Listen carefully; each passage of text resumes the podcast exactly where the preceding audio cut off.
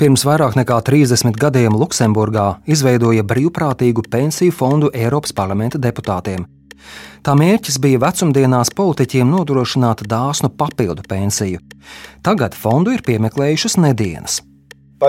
Year, money, then... Līdz gada beigām droši vien fondam beigsies nauda, un tad no Eiropas parlamenta budžeta, kas ir nodokļu maksātāju nauda, visticamāk tas tiks glābts par 200 līdz 300 miljoniem eiro.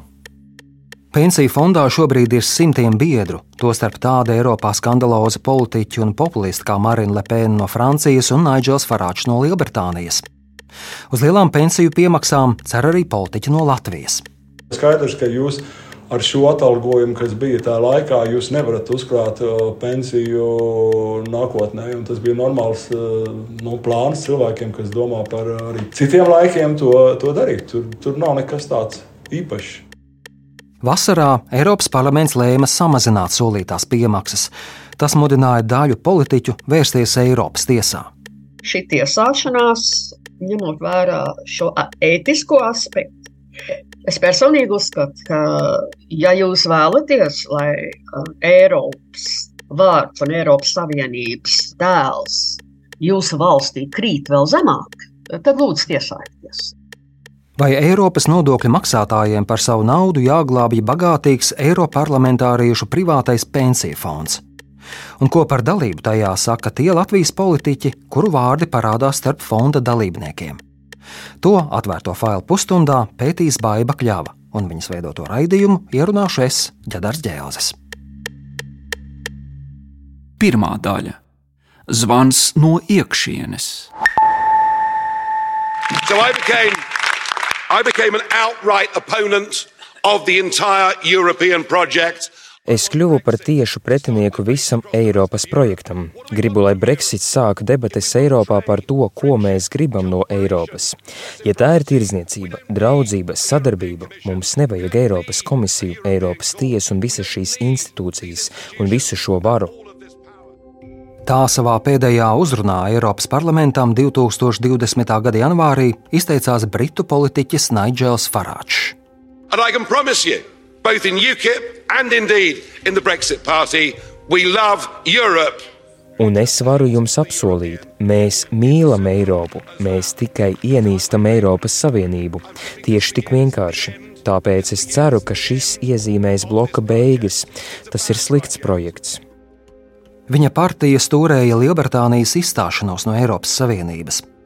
Tomēr jau uzreiz pēc Brexita Farāģam tas nebija šķērslis, lai no Eiropas Savienības turpinātu pieņemt naudu.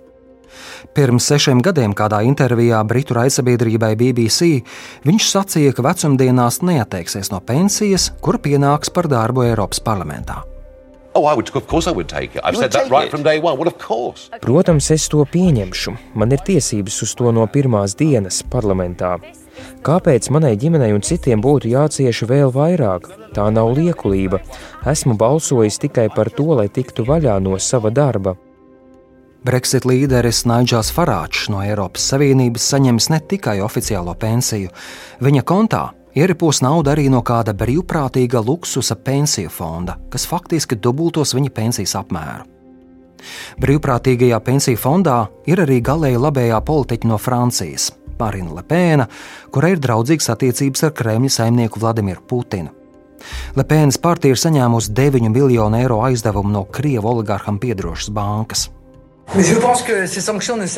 Es uzskatu, ka šīs sankcijas kalpo tikai tam, lai liktu ciest Eiropas iedzīvotājiem.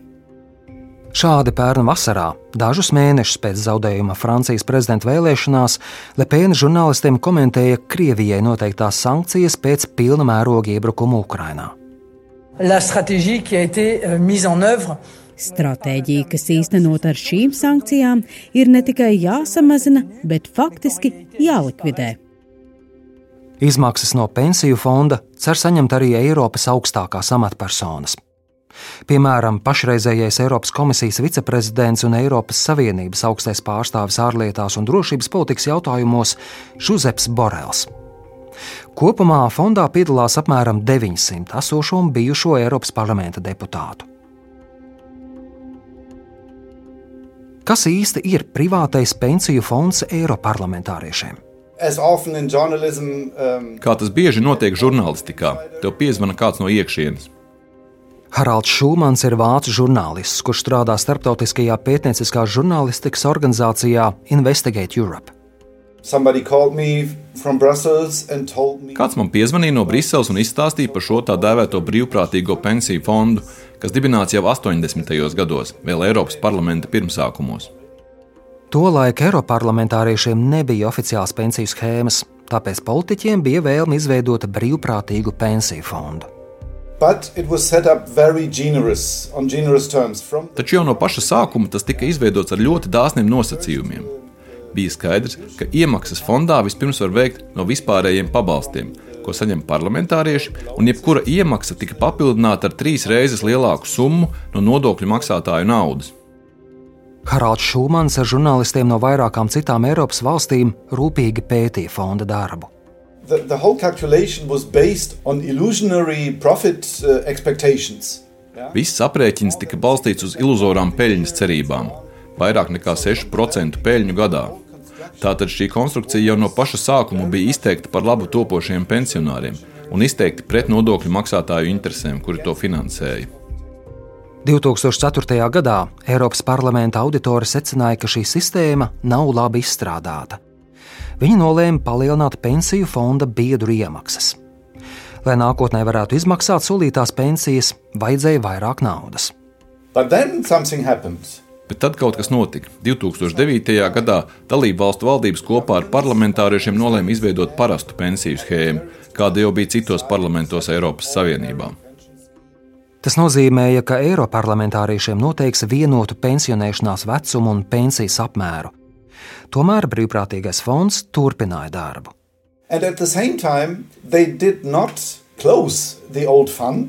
Tajā pašā laikā viņi neslēdza, sauksim to par veco fondu, bet teica, pensionāriem līdz šim nodrošinātās tiesības vēl ir jāizpilda. Jāsamaksā, bet mēs slēdzam fondu jauniem dalībniekiem, un mēs pārtraucam tajā iemaksāt naudu.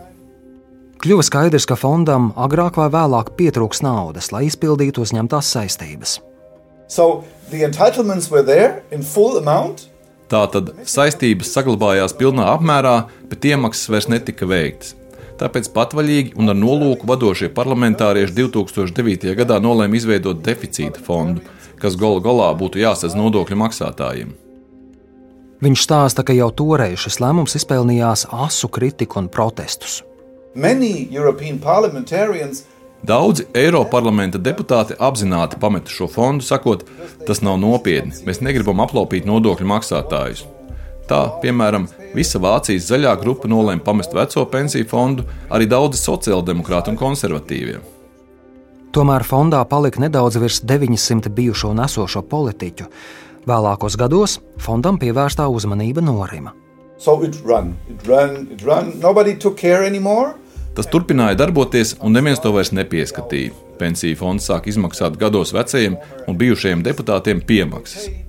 Tā fonds maksāja un maksāja, līdz kļuva skaidrs, ka tajā šogad beigsies nauda. Un to mums pateica cilvēks no iekšienes.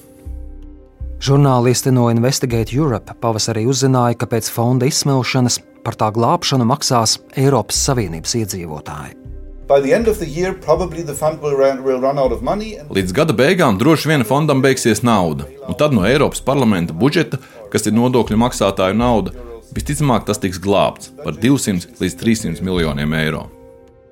Žurnālistu mājā publicētais pētījums pievērsa sabiedrības un politiķu uzmanību fonda problēmām. Izskanēja aicinājumi situāciju risināt. Pēc mēneša Eiropas parlamentā pieņēma lēmumu turpmāko fonda darbību iegrožot un samazināt tā izmaksas bijušajiem parlamentāriešiem. Labā ziņa ir tā, ka sabiedriskās rezonances dēļ, kuru esam palīdzējuši radīt, parlamenta birojas toreiz, manuprāt, tas bija jūnijā vai maijā, pieņēma lēmumu samazināt šīs papildu pensijas par 50% un atņemt kompensāciju par inflāciju, kas kopumā nodokļu maksātājiem ietaupīs vismaz 200 miljonus eiro. Tomēr ne visus brīvprātīgā fonda dalībniekus apmierina šāds lēmums. But, but, bet, un tas ir liels bet, protams, daudzi šīs pensiju schēmas saņēmēji jau ir paziņojuši, ka par šo lēmumu iesniegs prasību Eiropas Savienības tiesā, un nav skaidrs, vai viņi zaudēs vai uzvarēs. Tā tad vēl var gadīties, ka pēc diviem gadiem, kad tiesa pieņems galīgo lēmumu, mums, nodokļu maksātājiem, būs jāmaksā šiem mankārīgajiem bijušajiem parlamentāriešiem. Skaidrības labad viņš piebilst, ka daļa eiroparlamentāriešu vienmēr ir bijusi pret šādu fondu. Tomēr trūka reālu darbību, lai to izbeigtu. Es domāju, ka katru otro gadu viņi pieņēma informatīvu deklarāciju, tāpēc Eiropas parlamenta deputāti bija labi informēti par situāciju. Bet no otras puses, nevienam nebija drosmes uzspiest uz galīgo lēmumu, lai mainītu šo situāciju. Šim nolūkam mēs, žurnālisti, esam vajadzīgi, lai uz viņiem izdarītu publisku spiedienu, un tad arī lēmums tika pieņemts. Viņš nosoda Eiropas parlamenta deputātu ieceri tiesas ceļā no fonda iegūt papildu naudu, jo viņi jau tā bez savas algas saņem arī dažādus labumus. Tā ir tīra alkatība. Kamēr inflācija nostāda miljoniem eiropiešu uz nabadzības sliekšņa, šīs personas uzstāja, lai no šiem cilvēkiem saņemtu naudu. Tas mani sanikno. Really Otra daļa pazūd tā realitātes sasaiste. Καλημέρα σας. Κυρίσω την έναρξη της συνεδρίασης. Labrīt, dāmas un kungi! Atsākam darbu! Viens no 705 Eiropas parlamenta deputātiem septembra vidū atklāja plenārsēdi. Tālāk darba kārtībā pirmais punkts Mitūta Nīnas ziņojums parlamentārisms Eiropas pilsonību un demokrātiju. Visiem deputātiem pienākas vienāda darba samaksa un alga uz rokas, katrs saņem nepilnus 7800 eiro. Algu Eiroparlamentāriešiem izmaksā no Eiropas parlamenta budžeta. Vispirms dodam vārdu referentam Mituta. Bijušajiem Eiropas parlamenta deputātiem pienākas arī vecuma pensija. Par katru aizvadīto pilnvaras termiņu viņiem atvēl apmēram 3% no deputāta algas. Pensijas izmaksas savukārt sadz no Eiropas Savienības budžeta. Paldies, priekšsēdētāji, godātie kolēģi! Vakar mēs klausījāmies eh, komisijas priekšsēdētājas Vanderlejens eh, uzrunu par stāvokli Eiropas Savienībā, par transformāciju, par reformām. Līdzīgi kā saimnes deputāti Latvijā, arī Eiropas parlamenta deputāti saņem dažādas piemaksas. Tās ir domātas, lai apmaksātu dažādus izdevumus, kas radušies darba laikā. Bet vakardienas runas spilgtākā daļa bija tā, ko mēs nedzirdējām par pilsoņiem un par demokrātiju. Varētu teikt, ka tās bija stāvoklis Eiropas Savienības burbulī, cilvēkiem Briselē un Strasbūrā. Piemēram, lai mūsu eiroparlamentārieši varētu strādāt no Latvijas, tad par biroja uzturēšanu, telefona un interneta rēķinu apmaksu un citiem izdevumiem viņi var tērēt nepilnus 5000 eiro mēnesī. Viņiem atlīdzina arī ceļošanas izdevumus uz Briseli un Strasbūru, tostarp lidojumus biznesa klasē un maksu par bagāžu. Visbeidzot, nedaudz virs 300 eiro deputāts saņem dienas naudā, ko var tērēt parlamenta sesiju starplaikos lai mainītu stāvokli Eiropas Savienībā, mums ir jāvirza Eiropas Savienība tuvāk pilsoņiem. Un tas ir arī mērķis mūsu ziņojumam. Deputātu piemaksām no Eiropas parlamenta budžeta ik gadu aiziet vismaz 40 miljonu eiro. Pētnieciskie žurnālisti jau vairākus gadus atpakaļ pieprasīja Eiropas parlamentam atklāt, kā tieši deputāti tērē šo naudu. Tomēr parlaments atteicās to darīt. Arī Eiropas Savienības tiesa pirms pieciem gadiem nolēma par labu politiķiem. Proti šādas informācijas atklāšana apdraudētu deputātu privātās dzīves un personas neaizskaramību. Ko par Eiropas Savienības tērētajiem miljoniem eiroparlamentāriešu algām, piemaksām un pensijām saka politisko procesu vērotāji? Nu, nevar man šķiet, ka būtu tāda sistēma, ka deputāts saņem vēl papildus 4 vai 5 tūkstoši savā kontā, tās kaut biroja izdevumiem, un viņam par to nekas nav jāatskaitās. Īvēta Kažoka ir domnīcas providus vadošā pētniece. Tas, ka Eiropas parlamenta deputātu atalgojuma un vispār dažādu samaksu struktūra ir diezgan necaurskatāma, un par to pretkorupcijas organizācijas runā jau ļoti sen. Eicevišķi Transparency International, kas ir galvenā pretkorupcijas organizācija Eiropas Savienībā. Eiropas parlamentā jau gadiem ilgi pastāv necaurspīdīga finansēšanas sistēma. Tas viss nāk papildus tam, ka šiem Eiropas parlamenta deputātiem ir visai mazi uh, ierobežojumi attiecībā uz interešu konfliktiem un uh, ne īpaši liela pienākuma attiecībā uz savu ienākumu un izdevumu deklarēšanu. Viņa stāsta, ka pret saimnes deputātiem Latvijā ir izvirzītas daudz striktākas prasības par atklātību. Savukārt patiesos Eiropas parlamenta deputātu ienākumus sabiedrībai neatklāja.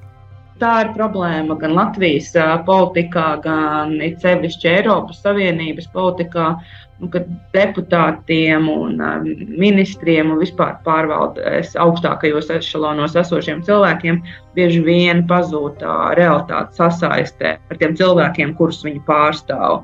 Un tāda negausība, mēģinot piesaistīt aizvien vairāk un vairāk personīgo līdzekļu, diez vai ir kaut kas, kas vēlētājiem ir simpātisks. Trešā daļa.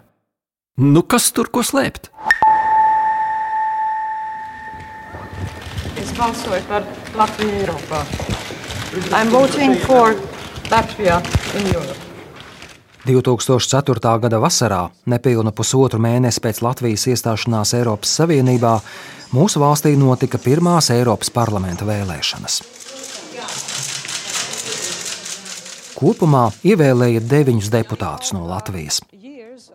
Veiksmīgākais starts bija apvienības tēvzemē un brīvībai LNK sarakstam, kas ieguva četras deputātu vietas. Eiropas parlamentā ievēlēja Gunteru Krastu, Girtu Valdi Kristovski, Robertu Zīli un Inese Vaideri. Visi četri politiķi joprojām ir arī dalībnieki Eiroparlamentāriešu brīvprātīgajā pensiju fondā, par kuru stāstīju raidījuma iesākumā. To atklāja šā gada pavasarī pensiju fonda nosūtītā atskaite Luksemburgas uzņēmumu reģistram. Es sazinos ar Robertu Zīli, kurš ir Eiropas parlamenta priekšsēdētājs vietnieks. Viņš ar Tatjanu Ždanoku ir vienīgie deputāti no Latvijas, kuri ir pildījuši Eiroparlamentāriešu pienākumus 19 gadus pēc kārtas. Gandrīz visu šo laiku, ar nelieliem pārtraukumiem, deputāts mandāts bija arī Vaiderei. Es jautāju Zīlēm, kā viņš uzzināja par brīvprātīgo pensiju fondu. Kad Latvija un daudzas kopā desmit Eiropas Savienības dalībvalstis iestājās eh, Eiropas Savienībā 2004. gadā, deputātiem kopējās tajās mapēs bija visu šis piedāvājums piedalīties šajā fondā, kas nozīmē iemaksāt naudu katru mēnesi un uh, tad nākotnē saņemt pensiju, tad, kad iestājas pensijas vecums. Viņš atminas, ka starp politiķiem ir bijusi liela interese par iespēju iestāties fondā. To izmantoja absolūtais vairākums deputāti, tīpaši no jaunām dalību valstīm, jo tajā laikā bija tā, ka maksāja nacionālajie parlamenti. Un, teiksim, mūsu latviešu deputāta algas bija 11 reizes mazākas nekā itāļu kolēģi. Zīle stāsta, ka nebija vienīgais no Latvijas, kurš nolēma piedalīties. Bet arī Tāķa Danaka iesaistījās. Viņa arī tika ievēlēta 2004. gadā. Regulāros maksājumus viņš neveica no algas, kuru saņēma par darbu parlamentā.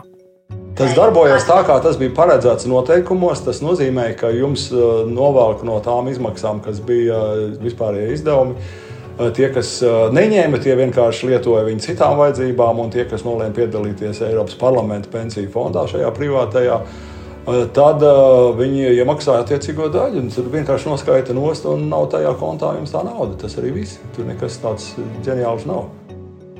Ikmēneša iemaksas viņš esot veicis piecu gadu garumā, līdz 2009. gadā fondā vairs nevarēja iemaksāt naudu.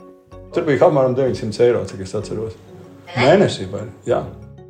Iemaksātā nauda viņam bija domāta kā papildu pensija mūža garumā. Tas bija loģiski, jo skaidrs, ka jūs esat ar šo atalgojumu, kas bija tajā laikā, jūs nevarat uzkrāt uh, pensiju nākotnē. Tas bija normāls uh, nu, plāns cilvēkiem, kas domā par, arī par citiem laikiem, to, to darīt. Tur, tur nav nekas tāds īpašs. Robertam Zīlēm pat labi ir apaļi 65 gadi. Tas nozīmē, ka pēc Latvijas likumiem viņš jau ir sasniedzis pensijas vecumu. Es neesmu saņēmis nevienu eiro centu no šī fonda. Jūsu zināšana, es neesmu pensionējies šeit, Briselē. Ja vien žurnālisti no Investigate Europe ar savu pētījumu nebūtu sacēluši skandālo Pluksusa fondu, Zīle jau pat labāk sāktu saņemt papildu pensiju no Briseles. Tā kā fondā ir vairāk nekā 300 miljonu eiro deficīts, tad Eiropas parlamenta deputāti, lai izvairītos no bankrota, maijā ierosināja pacelt pensionēšanās vecumu līdz 67 gadiem. Mēs ir 67 gadi. Un man liekas, ka tagad pielika vēl vairāk klātajā lēmumā, vai no 69. Tā kā krietni vairāk kā Latvijā. Ja Eiropas parlaments to galīgi apstiprinās, tad pensija no fonda zīlēm uz ilgāku laiku būs aizgājusi secen.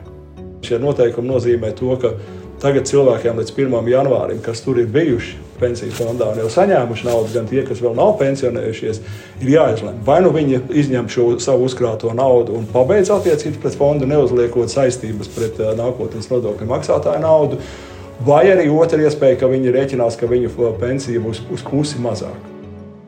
Viņš solās, ka izņems iemaksāto naudu un nepretendēs uz fonda izmaksām nākotnē. Protams, es neuzlikšu nekādas saistības Eiropas nodokļu maksājumā, man to nevajag. Es vienkārši izmantošu to setu, kā parlamenta kārtības punktu, kas nozīmē, ka es izstājos no šī fonda, saņemot iemaksāto naudu. Tāpat kā vairums manu kolēģi, tīpaši tie, kas ir piecus gadus tikai bijuši tajā fondā. Pavasarī, kad publiskais skandāls ap brīvprātīgo pensiju fondu vēl nebija izcēlies, Zīle atteicās runāt ar žurnālistiem no Investigate Europe. Viņš neatbildēja uz jautājumiem par to, kā rīkosies. Ir bijušas vairākas tiesvedības, un viena beidzās šogad pavasarī, Eiropas parlaments bija jau pieņēmis nosacījums, ka samazina pensiju apjomu izmaksājamo tiem, kas vēl nav pensionējušies, tādiem kā es, un palielina vecumu. Savukārt tie visi rietumē Eiropas valsts kolēģi, kas jau ir sen pensionējušies un dzīvo ar ļoti labiem pensiju fondiem, faktiski eh, darīja visu, lai tas fonds netiktu uzlikts un lai tas nākotnē uzliktu uz, uz šiem maksājumiem. Interesanti, ka Roberts Zīle ir ne tikai fonda biedrs teju 20 gadu garumā. Viņš ir arī starp saujiņu deputātu, kuri pieņem lēmumus par fonda tālāko darbu. Viņš ir brīvprātīgā pensiju fonda padomē, līdzās vicemēram Otomāram Karasam un bijušajam budžeta komisāram Janušam Levandovskim. Tad tā fonda statūta un parlamenta kārtība nosaka, ka prezidentam vai prezidentē šajā gadījumā Robertai Metsolai ir jābūt trijiem pārstāvjiem no deputātiem.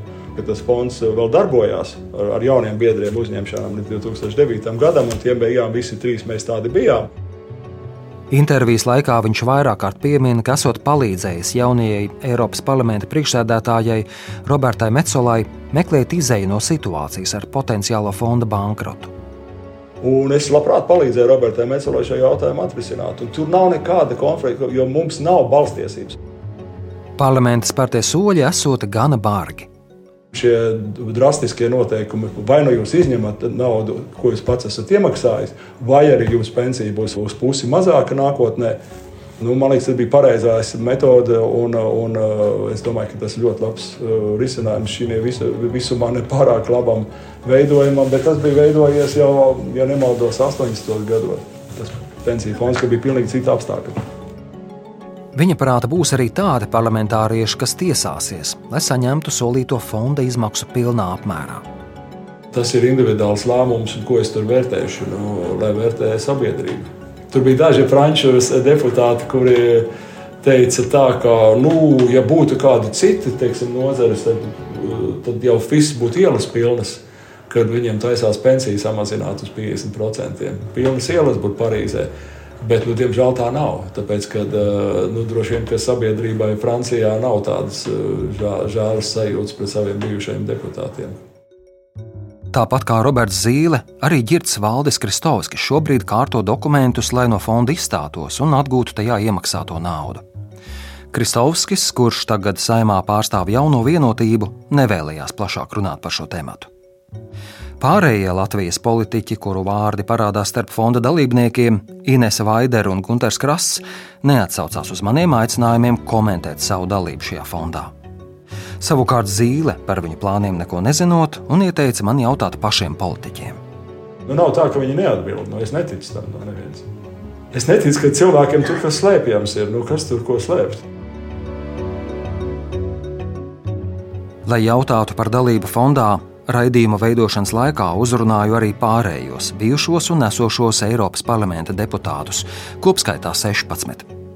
Lielākā daļa no viņiem sacīja, ka par fondu neko nesot dzirdējuši un tajā arī neko nesot iemaksājuši. Ar Tatjanu Ždanoku, kura pēc Zīles teiktā arī piedalās fondā, man neizdevās sazināties. No tiem politiķiem, kuri man atbildēja, tikai Ivars Ieps komentēja plašāk. Šāda pensiju fonda izpirkšana par eh, Eiropas eh, budžeta naudu ir nepieļaujama un nevajadzīga. Jo gal galā šis fonds jau nav bijusi nekāda sociāla apdrošināšana, bet savā dziļākajā būtībā tāds privāts pensiju fonds, kuram Eiropas komisija ir piemetusi kaut kādu daļu no naudas. Tie, kas viņu ir izveidojuši, ir patiesībā domājuši tikai un vienīgi par savu kaut kādu īstermiņa labumu un nav domājuši par to, kas notiks pēc 20 vai 30 gadiem. Manuprāt, tas nebūtu nebūtu pareizi, ja mēs šobrīd Eiropas Savienības budžetu vēl atļautos kaut kādas tādas ekstras, kas ļauj dažiem bijušajiem deputātiem saņemt būtībā divas pensijas, un pie tam nevis mazas, bet diezgan lielas pensijas. Es uzrunāju intervijai politoloģi Vitu Matīsu. Iesākumā viņai jautāju par Roberta Zīles teikto, ka viens no iemesliem, kādēļ politiķi esot iesaistījušies brīvprātīgajā pensiju fondā, ir bijusi milzīgā algu atšķirība starp deputātiem no jaunajām un vecajām Eiropas Savienības dalību valstīm. Runa ir par laiku pirms 2009. gada, kad deputātu algas vēl nebija vienādas, un tās bija piesaistītas dalību valstu vidējai darba samaksai. Ne tādēļ, ka kaut kā šie nabadzīgie Eiropas parlamenta deputāti no Latvijas, vai Igaunijas vai Polijas, ka viņi kaut kā tika apdalīti. Ja? Nē, tā motivācija bija tāda, lai uh, Polijas, Latvijas un Igaunijas iedzīvotājiem, ja? lai viņi uh, uzskatītu, vi, ka viņu deputāti tiešām viņus pārstāv, ja? jo viņiem arī ir mazākas algas nekā viņu Itāļu vai Vācijas kolēģiem. Vita Matīsa stāsta, ka pēc tam algas vienādoja, lai Eiroparlamentāriešiem izlīdzinātu sociālo garantiju iemaksas. Sākot ar 2009. gadu, jā, jā visi Eiroparlamenta deputāti saņēma līdzīgu algu. Tas nozīmē, ka 2009. gadā, tieši tajā laikā, kad bija lielā krīze Latvijā, ka tā starpība starp to, ko saņēma viens Eiropas deputāts algā un ko saņēma viens Latvijas iedzīvotājs, tā starpība bija milzīga. Tādēļ vēl jau vairāk viņu izbrīna fakts, ka līdzās jau tā lielajām algām deputāti ir ne tikai iesaistījušies privātā luksusa pensiju fondā, bet arī iemaksājuši tajā naudu, kas bija atvēlēta darba vajadzībām.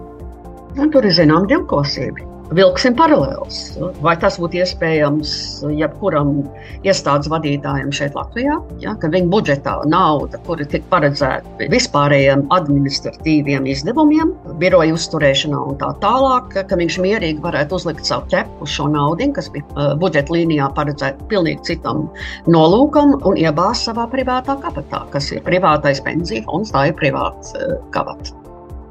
Viņiem vajadzētu apturēt dalību fondā, jo uz spēles ir likta nodokļu maksātāja nauda.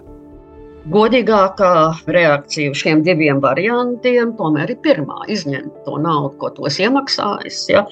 Ko tu dari ar to naudu tālāk? Ja? Nu, tas ir cits jautājums. Šī tiesāšanās, ņemot vērā šo ētisko aspektu. Es personīgi uzskatu, ja, ka, ja jūs vēlaties, lai Eiropas vārds un Eiropas Savienības tēls jūsu valstī krīt vēl zemāk, tad lūdzu tiesājieties.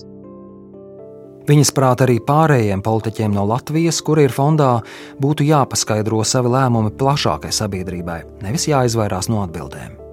Kā var runāt par privātumu, ja viņi dzīvo no Eiropas uh, iedzīvotāju nodokļu maksātāju naudas? Ja? Piedodiet, ja? uh, viņi nav privāti uzņēmēji, Viņi ir ievēlēti Eiropas parlamentā. Jā. Viņa pensijas maksā arī Eiropas iedzīvotāji, nodokļu maksātāji. Jā. Tā kā šeit es uzskatu, ka viņam nav tiesības uzskatīt, ka tā ir viņa privātā lieta. Mani interesē, kā tālākos notikumus ap fondu saredz žurnālists Haralds Šūmans no Investigate Europe. No Fondam nav konkrētas nākotnes. Tam ir pašreizējie dalībnieki, un fonda darbība beidzas, kad visi ir miruši, jo tā saistības ir pensijas maksājumi mūža garumā. Viņš pieļauj, ka juridisku apsvērumu dēļ fondu nemaz nevar tūlītēji slēgt, jo tajā vēl ir palikusi nauda, kas jāizmaksā biedriem. That... Labākais, ko var darīt, ir samazināt maksājumus līdz tādam līmenim, kur nav nepieciešama turpmāka fonda glābšana no nodokļu maksātāju naudas. Savukārt, glābt fondu par nodokļu maksātāju naudu būtu nepieņemami. Money, yeah. Tā ir naudas izšķiešana, un naudu varētu tērēt labākiem mērķiem.